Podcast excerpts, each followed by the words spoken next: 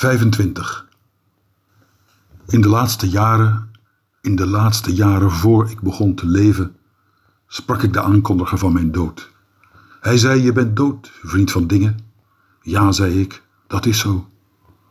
Maar binnenkort begin je aan het leven. Ik twijfelde, onbekend met logica en noodzakelijkheid. Goed dan, zei ik. De aankondiger van mijn dood liet mij achter. Hij gaf me een hand. Ik dacht, laat ik van de dingen houden, laat ik bijzonder veel van de dingen houden.